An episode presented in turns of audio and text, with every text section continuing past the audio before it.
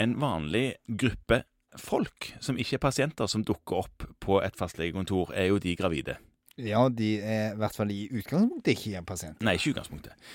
De, For en stund tilbake så begynte de å spørre om et nytt skjema, for det, det sto på de nye svangerskapsskjemaene som de fikk, at det var noe som heter farskapserklæring. Ja, det var kanskje far til den, eller Nei, faren bryr seg jo ikke så veldig om det før, før han eh, er med på ultralydskontrollen i uke 16 og finner ut at det er far faktisk noe oppi der. Ja. Ja, Men dette skjemaet, det plutselig så måtte vi som fastleger forholde oss til dette skjemaet. Ja.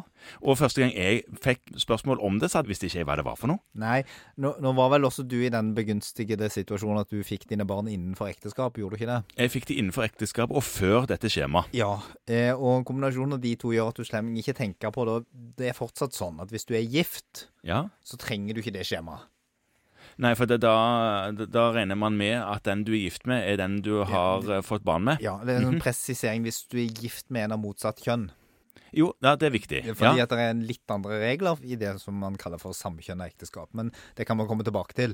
Så dette gjelder for de som er samboere, eller ikke bor sammen. Og der er det da sånn at far skal erklæres. Og da må noen påta seg det farskapet. ja, Noen må gå med på at de har eh, Bidratt til dette. Ja. Og eh, det må man da gjøre, og det, da kommer jo inn det som er litt sånn festlig. For hvis man går inn på på Helse Norge og søker på dette, så ender en for så vidt en fornuftig ressurs som skriver ganske mye interessant om dette. ja. Da står det at eh, dersom du ikke er gift, så må du registrere en farskapserklæring. Ja, sant. Ja. Noen må gå med på at de er pappaen. Ja, og denne erklæringen den skal gjøres på et skriftlig skjema til Nav.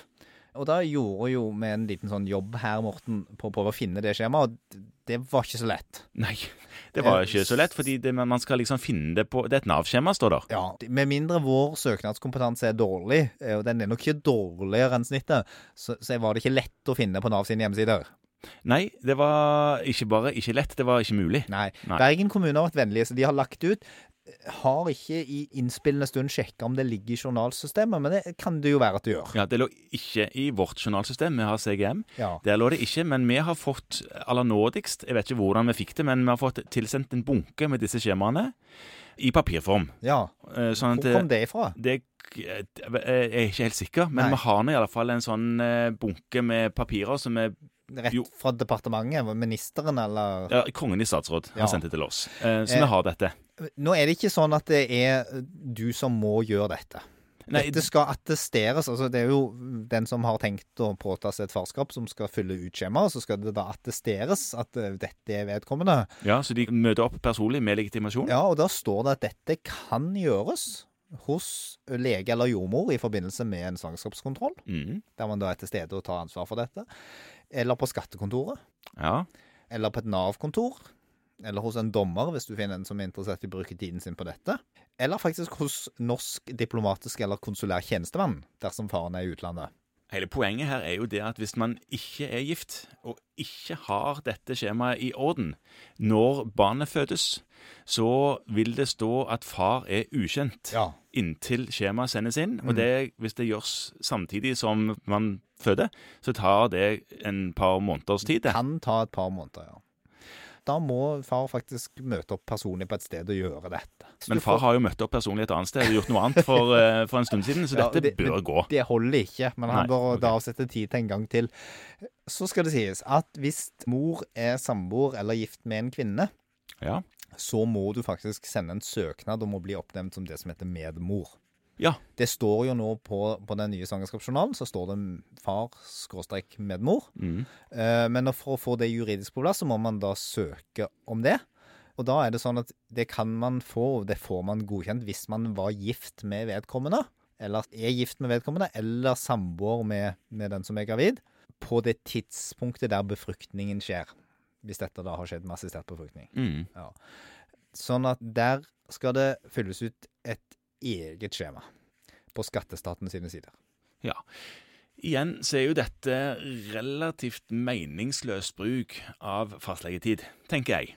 Ja, det Det er hyggelig å treffe far, selvfølgelig. burde ikke være noe det var nødvendig at vi gjør. Og nå, nå er det jo ikke sånn at det også må gjøre det heller, men som en del andre sånne testskjemaer, så ender de jo ofte opp hos oss.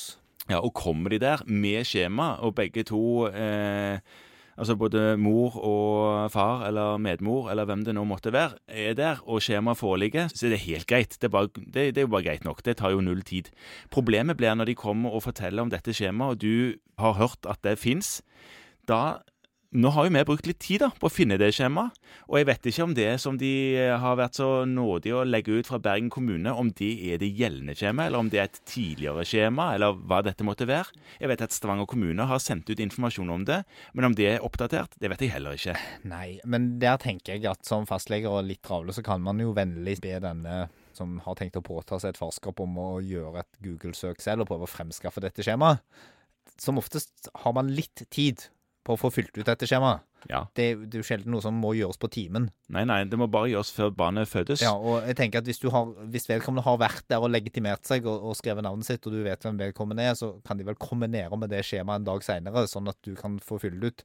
Så her, her må vi vel henstille til vår, våre litt travle kollegaer å, å være litt sånn ikke overdrevent på serversiden med å bruke hele sin fritid på å leite etter et obskurt skjema på internett, hvis de ikke har det for hånden. Mm. Har de det, så tenker jeg at da får man fylle ut og sende det inn, og, og det er fint og flott. Og hvis ikke, så går det an å be den som har tenkt å bli far, om å fylle ut dette skjemaet. Han skal snart bruke mye tid på, på dette barnet uansett, så han kan godt øve seg med å sitte på internett og lete etter informasjon. Her står det på en side som jeg eh, Her står det blanketten vil være på lager, altså denne blanketten Nav 55-00.10. Blanketten vil være på lager 1.1.2014 og kan bestilles fra Granada på e-post nav1granada.no. Ja. Eller på noe som heter bob.net. Dette vet jeg Dette, dette må kvalitetssikres, du. Jeg skal sjekke nå. Si noe annet lurt, du. Ja, altså Bob.net den har jeg òg fått opp, og det er en sånn skjemaside. Men jeg tenker jo at hvis vi skal til vår alles felles gode skal gjøre en jobb her, så er dette et sånt skjema som, hvis det er noe det er meningen at fastleger skal skrive ut mye, bør integreres i journalsystemene våre. Ja, det burde det absolutt. Det- Spesielt siden bob.net ikke øh, funker, iallfall ikke nå. Og så tenker jeg at jeg, i hvert fall for min del, vil råde til at eh, dette er en type skjemaer som man i liten grad skal være lege for å fylle ut. Og det betyr at det er en jobb som du påpekte, Morten, kanskje ikke i så stor grad skal ligge hos oss. Det å finne ut hvem noen er, er jo strengt tatt ikke noe man trenger en medisinsk utdannelse for. Og Neida. det er ikke sånn at man trenger medisinsk ekspertise for å finne ut hvem noen er. Og det er det du har tenkt å forholde deg til her. Ikke i hvilken grad det er mulig for vedkommende å være far. Eh, Nei, nei, Det nei. eh, ligger jo utenfor rammen av denne testen. Ja. Sånn at derfor så tenker jeg at det er i hvert fall ikke vår jobb å bruke store ressurser på å leite fram og finne denne testen. Den kan jo hvem som helst bruke tid på. Ja.